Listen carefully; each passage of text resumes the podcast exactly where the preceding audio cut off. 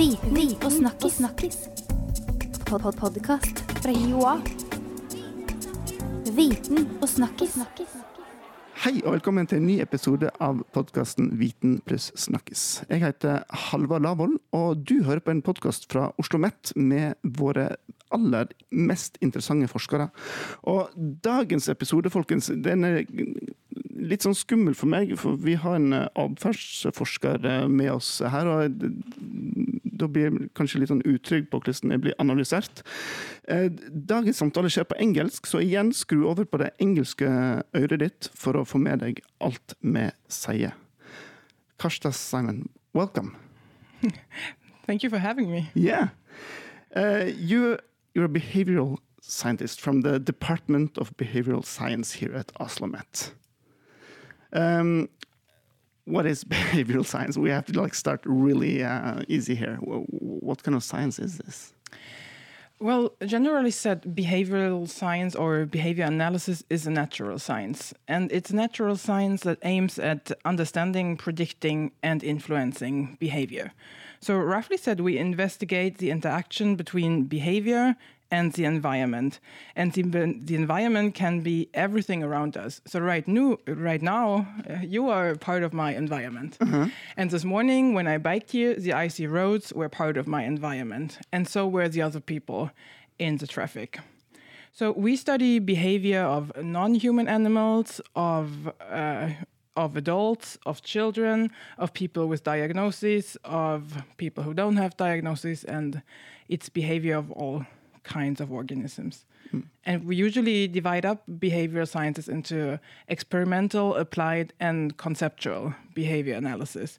And conceptual uh, behavior analysis is dealing with more general questions, questions of philosophy of science. What are meaningful questions in a science of behavior? Well, and applied is, of course, how, how can you use it?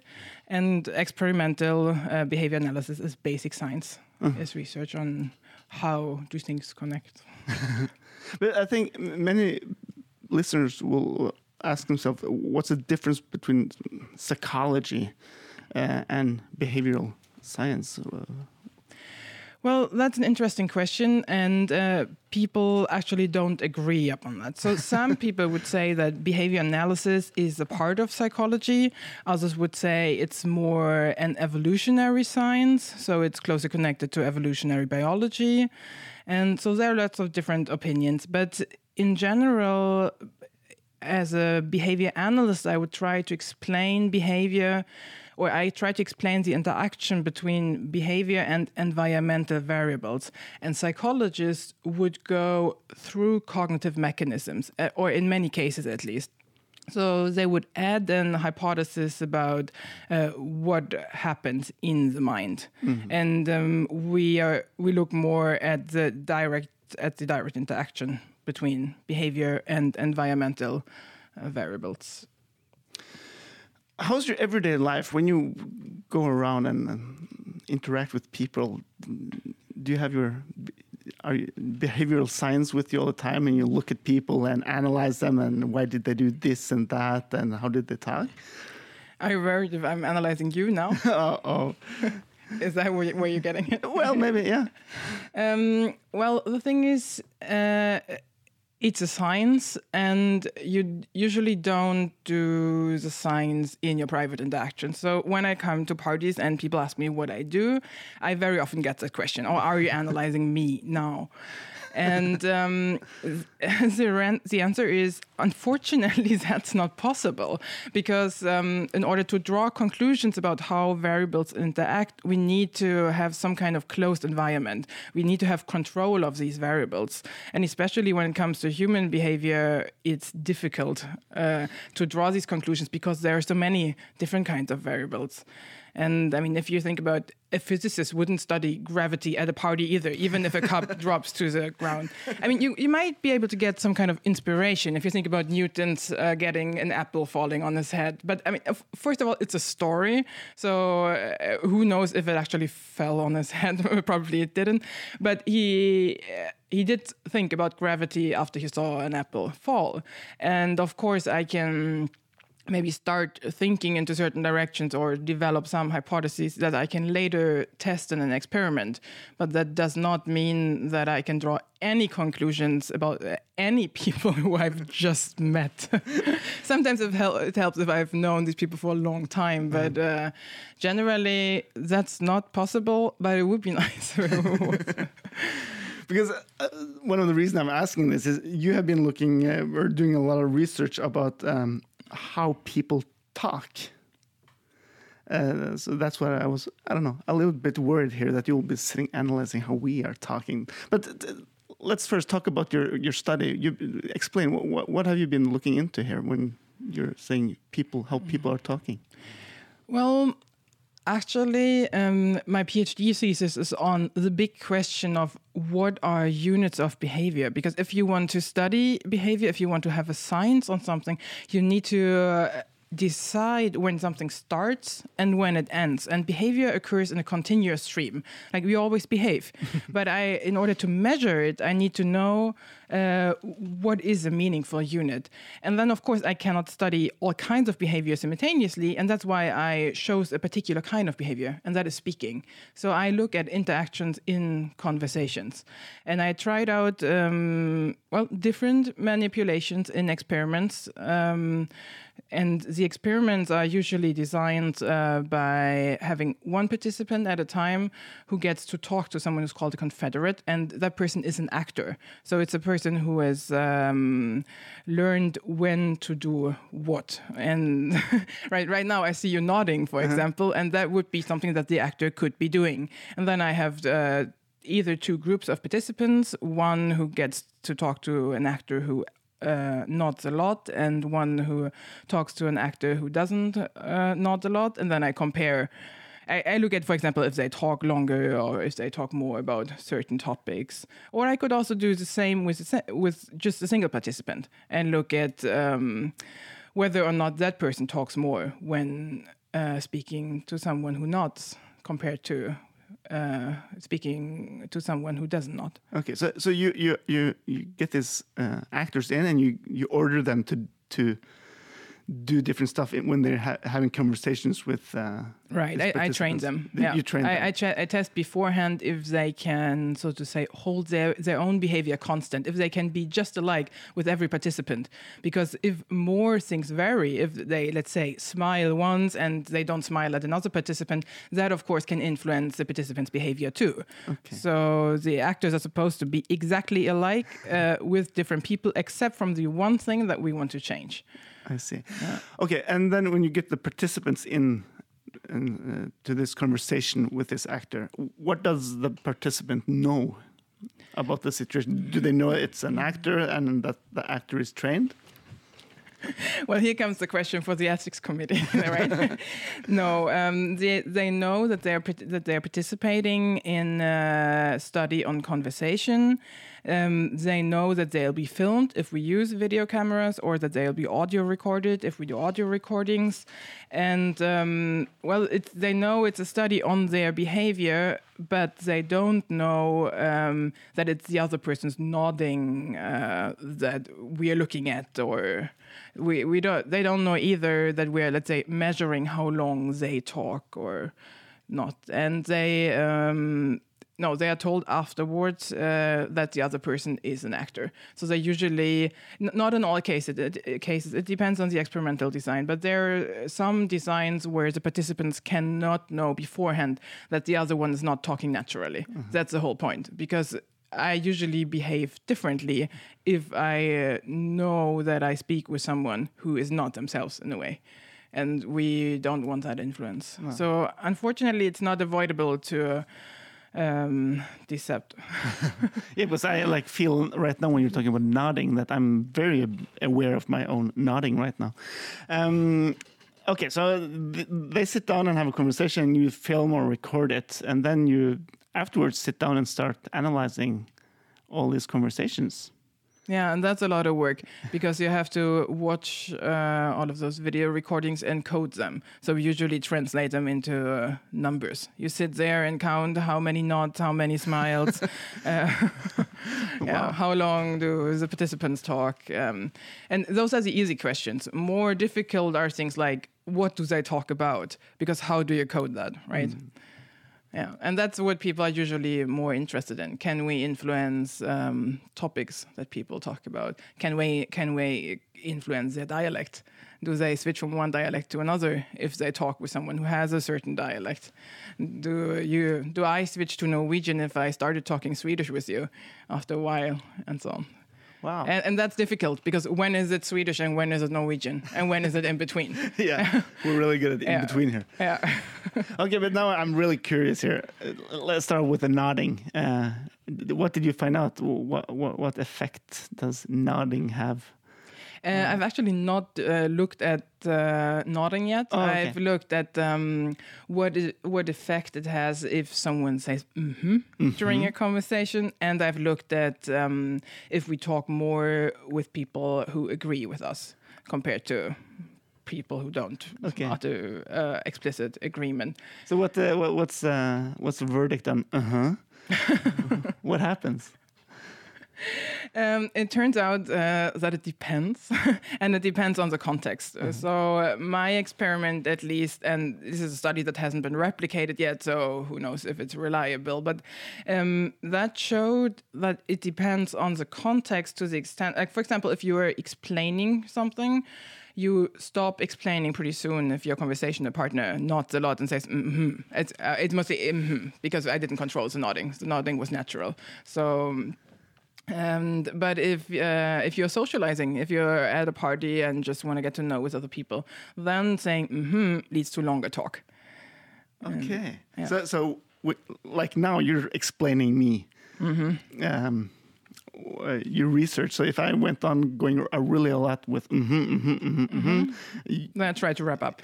you'll like s- thinking, okay, he, he got it, or he's not interested, and you'll end it faster. Well, I wouldn't uh, conclude that you're not interested, but I would conclude maybe that you understood it. Okay. Okay, now now we're done. Because it's pretty uh, aversive if you ask someone to explain something and then they keep going forever after you've understood it, right? So it's more. Uh, I think it's a natural reaction to stop when you have reasons to believe that the other person has understood, and mhm, could be that. And then if we went, me, we met at a party, it would be then turned around. That if I went on, uh huh, uh huh. Yeah, then I would like, oh, he's interested. Let's Yeah. talk some more.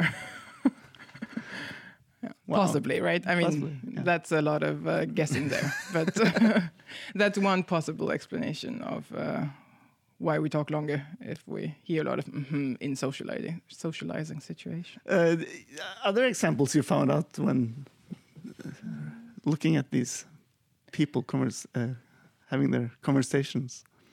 Mm, well, in one of my studies, uh, one participant got to talk uh, with two actors at the same time, and these actors had uh, practiced when to agree with what the participant had said. And that's actually a replication of a very uh, well known study from 74 of two people called Conger and Killeen. And this study has been cited in textbooks for the last decades. And they had found that people uh, talk more to those who agree with them. And uh, my study didn't show these results. So that is a very interesting thing that that's a study uh, that I at least couldn't replicate. So my study my study uh, suggested uh, that people rather uh, talk more with those conversation partners who talk less. So the participant could choose. Um, well, whether to talk to uh, the first or second actor, and if the first actor talked a lot, the participant uh, talked more to the second actor, and if the second actor talked a lot, so it it might have been um, like an attempt to integrate uh, both conversation partners into the conversation as a group, or that you want everyone to speak. and- Okay, so the participant wanted the, the both persons to be a, a, a similar part of the conversation, and therefore started talking yeah, with the, presumably. yeah. We don't know that, but um, yeah, at least the agreement didn't have any effect in our study. Uh, what can we use these results for in in daily life? Well, it's uh, I mean, my research is basic research, so it's not the primary concern to apply it to anything, right? The primary concern is to create knowledge, to understand uh, what influences behavior, what are the laws governing our behavior. But at the same time, it is pretty obvious how it can be uh, used in the future. And for example, this research on conversations can be used in all kinds of situations where you either want to influence uh, what other people talk about or you want to avoid it. So if you think about um, questioning witnesses, for example, you want an uh, independent report. You don't want to influence what they're telling you. And if you know that your nodding influences uh, that they talk more about one topic but not um, about another, then you might want to uh, avoid nodding and and other examples where you want to influence what people talk about are generally interviewing situations. And you're probably, you as a journalist, are probably familiar with these situations because if you interview people, you. You want them to talk about the interesting stuff, right? So it's good to know how to get them to, to do it. When to nod and say, mm hmm, right place. Yeah, or if you think about um, therapeutic uh, interactions, if you go to a therapist, they might um, realize that it's good for you to talk more about difficult events in your life or more about your feelings or whatever it is that's difficult for you to talk about. And then they can get you to do that. And in the end, it will be good for you, hopefully. Yeah. yeah. And I guess like politicians and leaders, presidents can also use this actively to get their views out there, maybe. Yeah, and that's interesting. Uh, that's actually touching on uh, difficult issues of uh, can this knowledge be misused, right? Yeah. Do you think it can be misused? Um, yes, I think it can. Um, I don't. Uh, I'm not aware of any explicit uh, connections between whether this is a political leader who uh, informed themselves about uh, behavioral science and then they did A or B and harmed the people. but um, apparently, there's quite some knowledge out there about how we can influence behavior, and uh, that has definitely been used and also misused. And that's always the difficulties with uh, with science or with a lot of parts of science that you never know what it can be used for. But at the same time, it is obvious that it can be used to help a lot of people um, the most successful uh, area of behavioral sciences, or especially of uh, applied behavior analysis, is treating children with autism. Mm. So, children with autism diagnoses uh, get a lot of good help uh, of uh, behavior analysts, and that's the most effective treatment that's out there. So, that's an example of um, that we can do a lot of good uh, with behavioral sciences. Here at uh, OsloMet, we have uh, we offer uh, bachelor studies, master programs, and uh, PhD programs in uh, behavioral science. What what kind of people would you like recommend go into this uh, this field? Mm, I think generally I would recommend um, these programs for everyone who's interested in a scientific approach to behavior. So everyone who really wants to know why people do what they do. And of course, uh, um, people want to know to what extent we can rely on research results that we have, and people who want to help others to change their own behavior. So we have two different bachelor programs, and one is in social education, uh, vernepleier, and that, of course, is more focusing on helping other people. And uh, the other one is more um, focusing on the science of behavior analysis and uh, placing it in the larger um, frame of psychology. Hmm. Yeah, but I can really recommend the PhD program um, because it's uh, there's nothing alike in Europe. Um, there are uh, PhD programs in uh, behavior analysis in the United States, but uh, Oslo is very special, and we're very privileged to have it here. Uh, Carsta, thank you very much for uh, coming and and and uh, telling me and uh, the listeners about behavioral science. Well, I, thank you. It was a pleasure to be here. Yeah, I I, I hope I behaved good. you didn't uh, analyze me uh, up and down and back and forth. At least you got me to answer your questions. Yeah, that's good. yeah, that's a good start. and it's always mutual influence, right? It's not just one person influencing the behavior of the other. I'm happy you did that. said that. Uh, for those of you listeners who are uh, more interested in this field and uh, what Carsta has been uh, up to, uh, in our show notes we will uh, link up to different articles and articles Carsta have been writing about this topic, so you can learn more about behavioral science. And we'll also link up to our uh, OsloMet's different bachelor, master, and PhD programs around this topic. So that's it. Let's wrap it up. Thank you for listening to this episode of uh, Viten plus Snakkes. Next Friday, you will have a new episode automatically downloaded on your podcast app. So uh, stay tuned. Bye bye. Viten og snakkis. Viten og snakkis.